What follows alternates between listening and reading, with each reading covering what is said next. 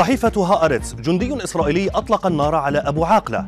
حقيقة الضجة التي أثارها أبو الهول في مصر وبيع هيكل ديناصور في مزاد بملايين الدولارات.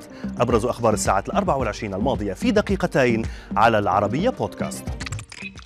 ما زالت قضية الصحفية الفلسطينية شيرين أبو عاقلة تتصدر حديث مواقع التواصل الاجتماعي. الجديد حول القضية هو تقرير لصحيفة هآرتس قالت فيه إن جنديا إسرائيليا أطلق النار على أبو عاقلة.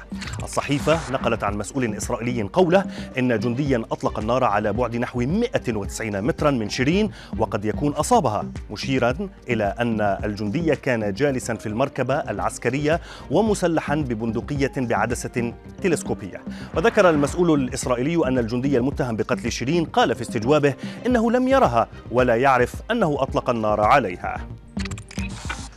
في لبنان أثارت عناصر تابعة لميليشيا حزب الله وحركة أمل حالة من الفوضى في عدد من مناطق البلاد وهاجمت خيم حزب القوات اللبنانية بعد ساعات قليلة على بدء الانتخابات النيابية.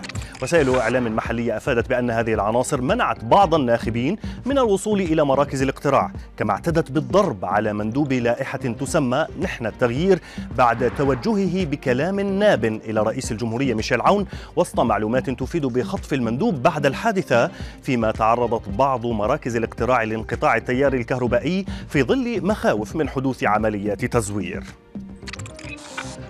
إلى مصر هذه المرة حيث ضجت مواقع التواصل بصور لتمثال أبو الهول الشهير في محافظة الجيزة وهو مغمض العينين على عكس المعتاد ما أثار جدلا واسعا بين المصريين. وسائل إعلام محلية نقلت عن مصادر مطلعة بوزارة السياحة والآثار قولها إن الصور المنشورة مفبركة وأن كل ما يتردد في هذا الصدد مجرد ترهات لا أساس لها من الصحة. مشيرة إلى أن الهدف هو إثارة البلبلة فيما التقط ناشطون مقاطع مصورة بالقرب من التمثال لتأكيد تأكيد عدم صحة المنشورات المتداولة. في خبر قد يصدم الكثيرين. اشترى شخص في مزاد علني بنيويورك هيكلا عظميا لديناصور بمبلغ خيالي. وصل إلى نحو 12 مليون ونصف المليون دولار وفقا لصحيفة وول ستريت جورنال الديناصور الذي ظهر في أحد مشاهد فيلم الخيال العلمي الأمريكي الشهير جوراسيك بارك يتكون من 126 عظمة متحجرة ويبلغ طوله أكثر من ثلاثة أمتار. فيما كان المزاد قد قدر السعر الأولي للهيكل العظمي بستة ملايين ملايين دولار في البداية لكنه بيع بضعف ذلك الثمن وسط إقبال متنافسين من مختلف دول العالم. وفي خبرنا الأخير سيشهد العالم خلال الساعات المقبلة واحدا من أروع المناظر في السماء بظهور ما يعرف بالقمر الدموي العملاق. مواقع مختصة أوضحت أنه عند حدوث الخسوف الكلي للقمر ستكون الأرض بين الشمس والقمر.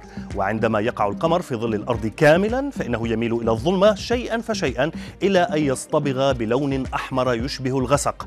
فيما يمكن مشاهدة هذه الظاهرة بالعين المجردة قبل فجر يوم الاثنين في أغلب مناطق أوروبا بينما سيحظى سكان المغرب والجزائر بأفضل مشاهد للخسوف في العالم العربي.